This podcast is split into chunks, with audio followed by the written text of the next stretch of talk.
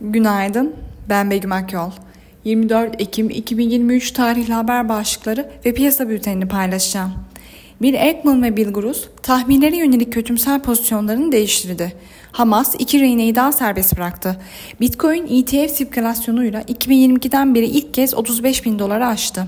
JP Morgan stratejisi Colonomic'e göre sıkılaştırmanın tam etkisi 2024'te görülecek. Tahvil piyasası dünkü sert dalgalanmaların ardından bu sabah sakin.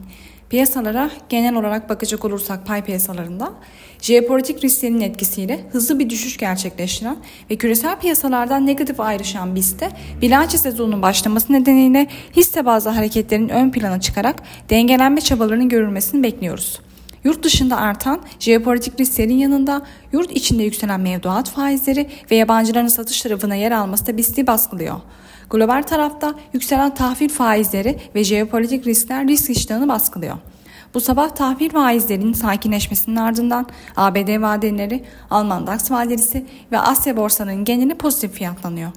Teknik analiz verilerine bakacak olursak, gün içinde 7600 ve altın gerileme alım fırsatı, 7840 ve üzerine düşük hacimli yükselişi ise satış fırsatı olarak takip edilebilir.